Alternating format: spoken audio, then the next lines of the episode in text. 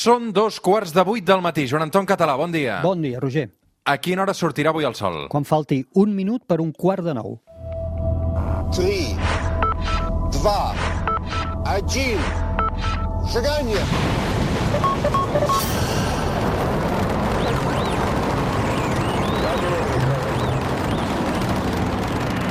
One small step for man.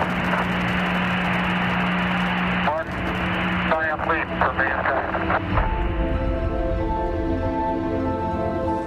Joan Anton Català, bon dia i bona hora. Bon dia, Roger. És diumenge, són dos quarts de vuit del matí i arriba l'hora de la ciència, el suplement de l'astronomia amb el, la nostra veu científica, l'astrònom, astrofísic, químic, quàntic Joan Anton Català.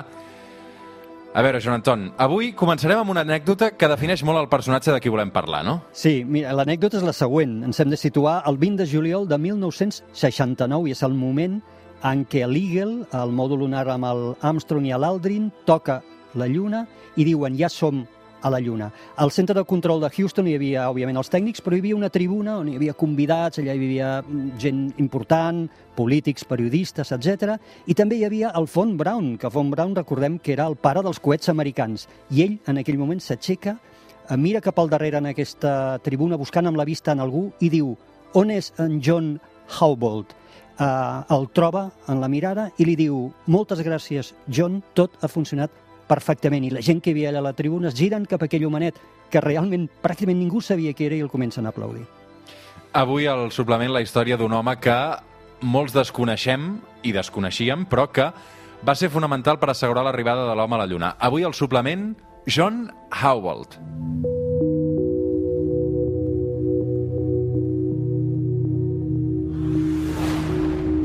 A veure, Joan Anton, aquest senyor és americà, Uh, la història de Howell comença durant aquesta famosa cursa de l'espai amb aquesta picabaralla a Estats Units, Unió Soviètica. Sí, que ens agrada tant i que l'hem explicat molts cops. Recordem, octubre de 1957, els soviètics enlairen el primer satèl·lit de la història, que és l'Sputnik 1, i posen molta pressió sobre els Estats Units. Un mes després, sense deixar-los respirar, enlairen l'Sputnik 2 amb la gossa laica.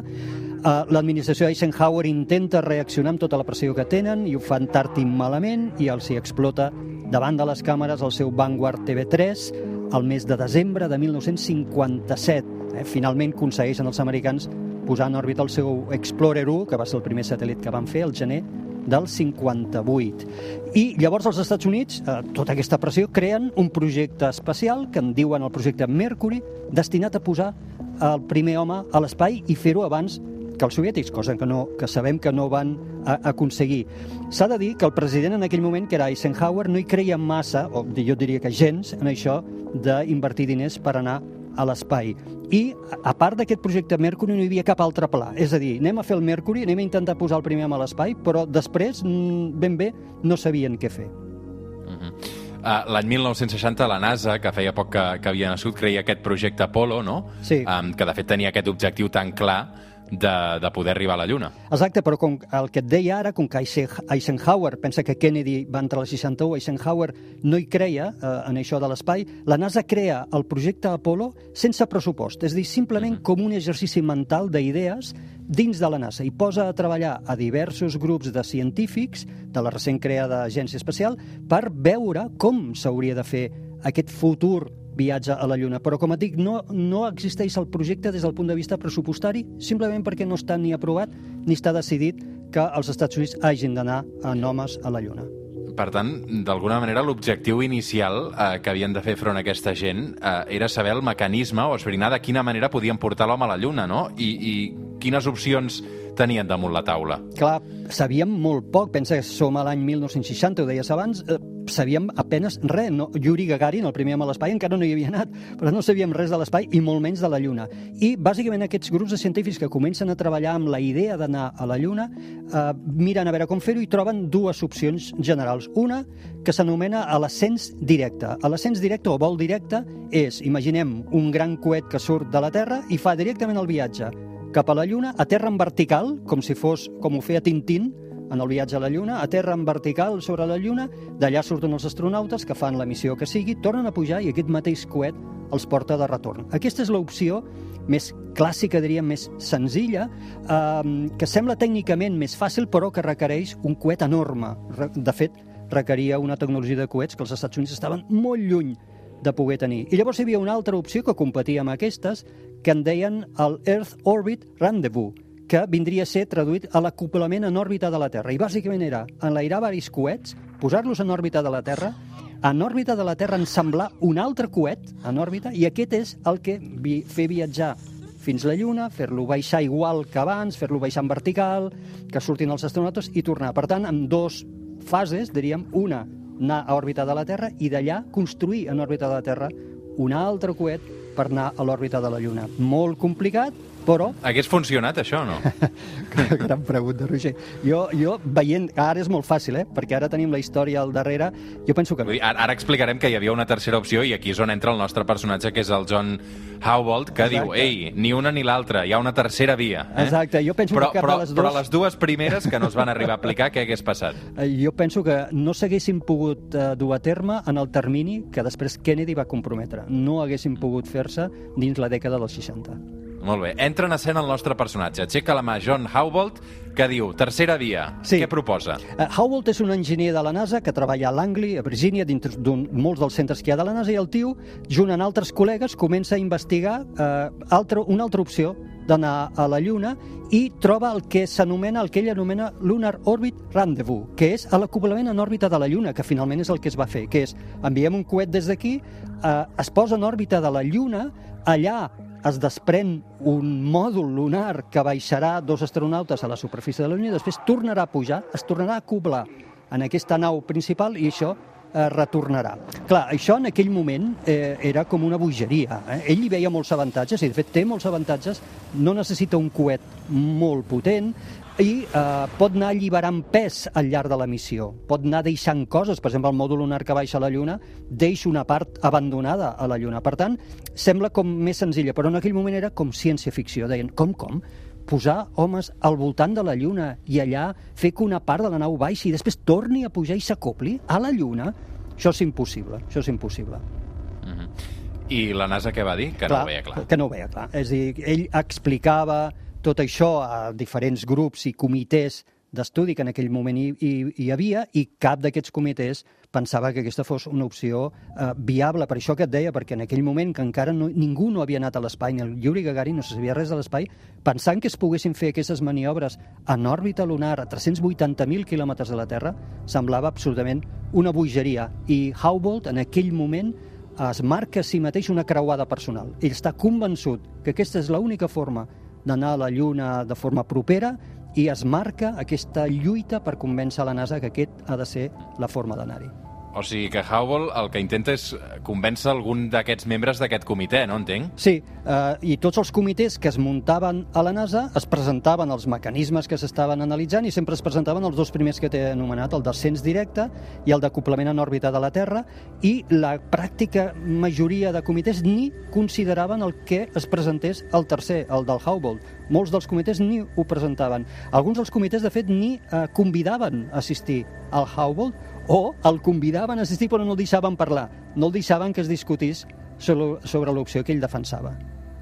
Crec que hi ha una anècdota eh, molt bona, precisament, d'aquests comitès que li van dir directament a la cara eh, senyor, vostè menteix eh, i no saps de què estàs parlant. Sí, i a més ho fan amb molt mala bava, ho fan amb molt mala bava, ho, fan, ho fa un enginyer de la NASA, molt, molt reconegut dintre de l'agència, i ho fa en una presentació que John Howbold està fent del seu proposat mecanisme davant de tots els la cúpula màxima de la NASA, amb l'administrador de la NASA, amb tota la gent a Washington, i mentre ell està presentant aquest uh, Max Faget, que es deia, aquest enginyer de la NASA, s'aixeca i li diu això, li diu, els teus es- menteixes, els teus uh, números enganyen.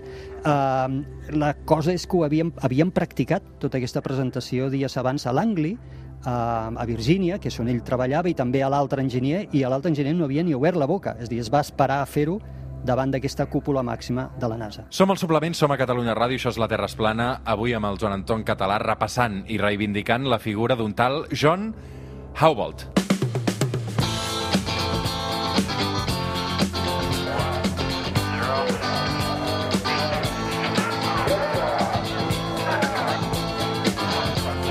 Tot això passava l'any 1960, Joan Anton, però al 61 passa una cosa que ho canvia tot, i és que John Fitzgerald Kennedy arriba a la Casa Blanca. Sí, i arriba sense tampoc gaires plans del tema de l'espai, però eh, ell arriba un gener del 61 i a l'abril eh, té la, pitj els pitjors set dies de la seva presidència, perquè allà Yuri Gagarin, els russos, els soviètics, un altre, els, un altre cop els hi passen la mà per la cara, Yuri Gagarin el primer a l'espai, i després la catàstrofe de Bahia Cochinos, a Cuba, on eh, la CIA ha, ha d'abandonar, en una operació militar encoberta, ha d'abandonar els rebels contra Castro, i tot això li posen també una pressió en aquests primers mesos de, de Kennedy, i ell, eh, influenciat també pel seu vicepresident, Lyndon Johnson, que aquest era un gran defensor, sí, de l'espai, es va reconvertint el Kennedy i comença a veure en l'espai una forma, un projecte d'unió per tot el país.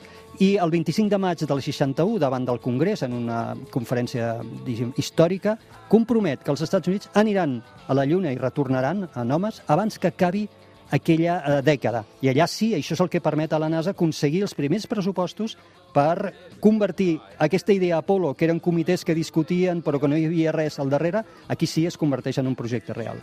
I comença a entrar la pasta, suposo, no? Aquí comencen a entrar, ah, sí, correcte, els pressupostos, entra un nou administrador, el Jim Webb, eh, que aconsegueix amb el Congrés eh, la quantitat increïble de pasta que es necessitaven, eh, i aquí tenim el John Howell, que segueix insistint eh, en, el seva, en el seu mecanisme, però segueixen sense fer-li cas. Tots els comitès que es reuneixen segueixen veient aquesta opció com de ciència-ficció. I el tio ja desesperat, desesperat, decideix per dos cops saltar-se tota l'estructura jeràrquica de la NASA, ell tenia diverses capes per sobre, i dirigir carta directa al director general de la NASA, el, el, el Bob Simmons, li, li dirigeix dos vegades les cartes. I en una d'elles, per exemple, li arriba a dir que ell se sent com predicant en el desert i provocativament li pregunta volem anar a la Lluna o no? Així de directe.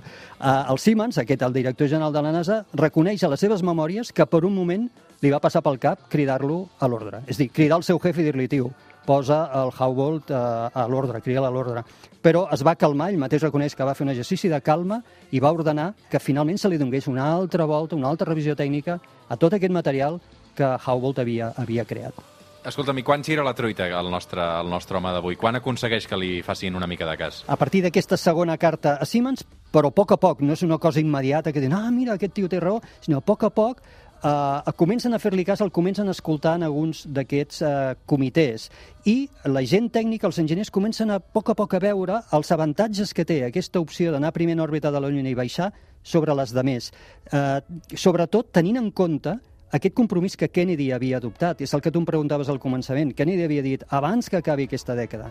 I llavors, quan comparaven les opcions, tot i que no els agradava l'opció de Howbolt, veien que potser seria al final la més ràpida, que les altres opcions requerien una tecnologia que trigarien en desenvolupar i que probablement no tindrien dins d'aquella època.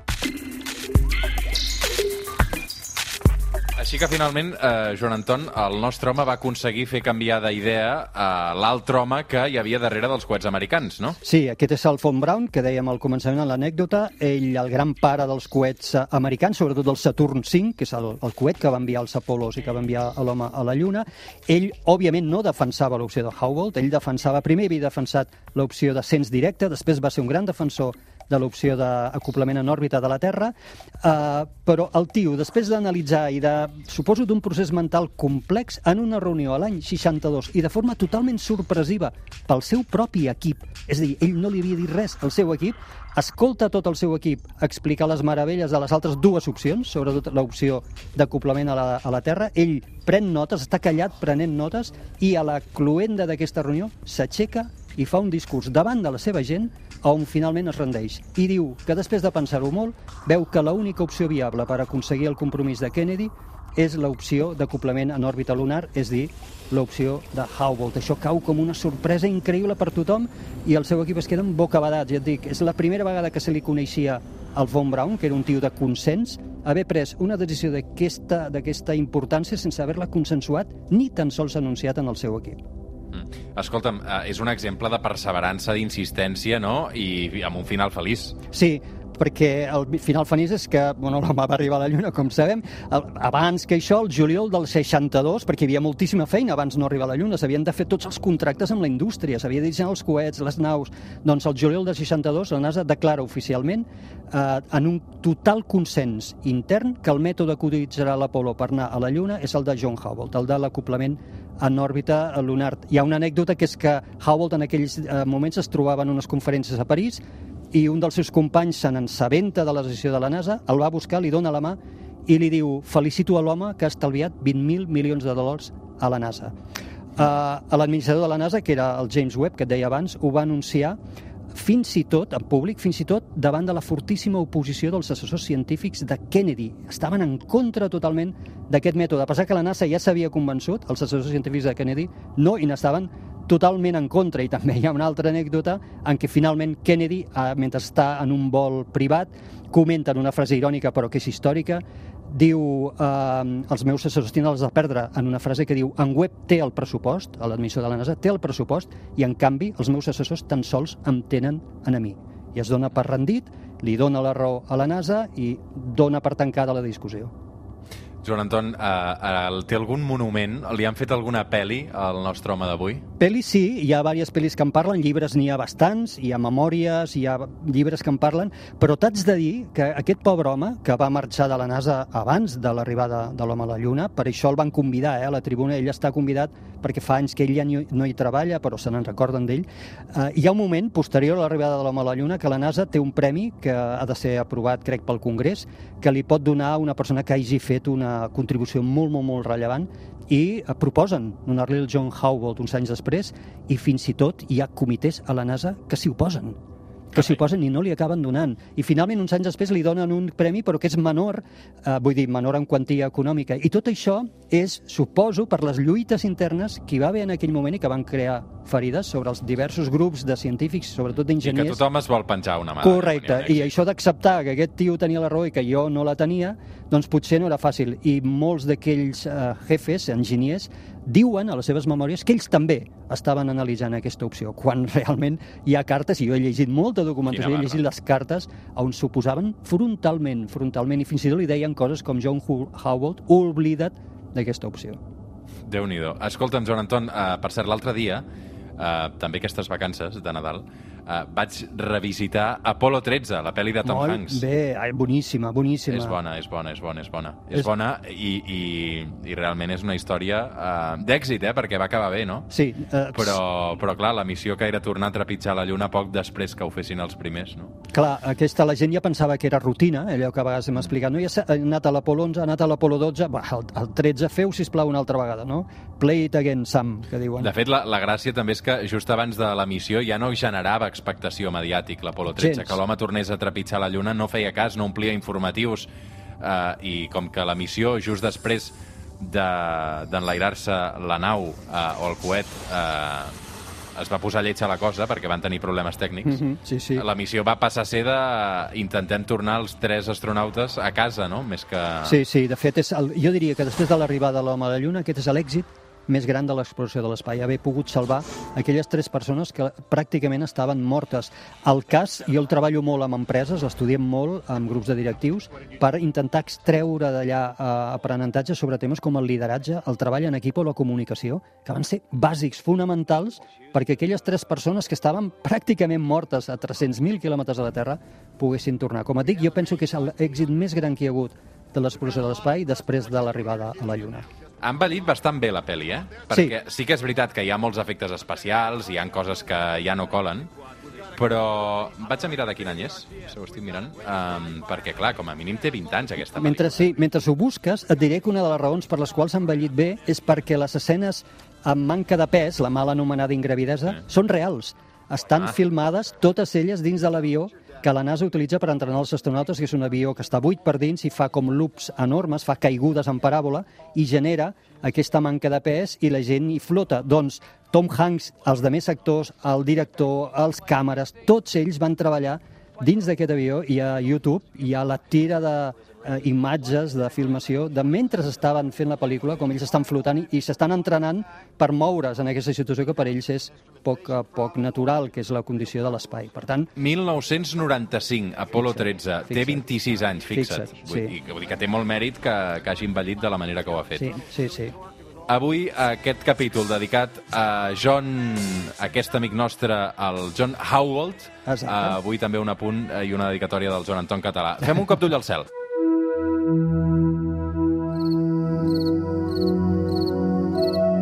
Posar-hi la cirereta, Joan Anton, què hi passarà aquesta setmana al cel? Sí, ara estàvem sentint els grills. Doncs eh, els vespres del 21, del 20, perdó, i del 21, la lluna creixent se situarà al costat visualment de Mart en el nostre cel. Mart cada cop ja brilla menys, però segueix veient-se perfectament en color ataronjat. I atenció, un repte per tothom qui vulgui veure Mercuri. Mercuri, recordem que és un planeta que costa molt de veure perquè sempre va molt baixet, acompanyant el Sol al vespre o a l'alba molt baixet.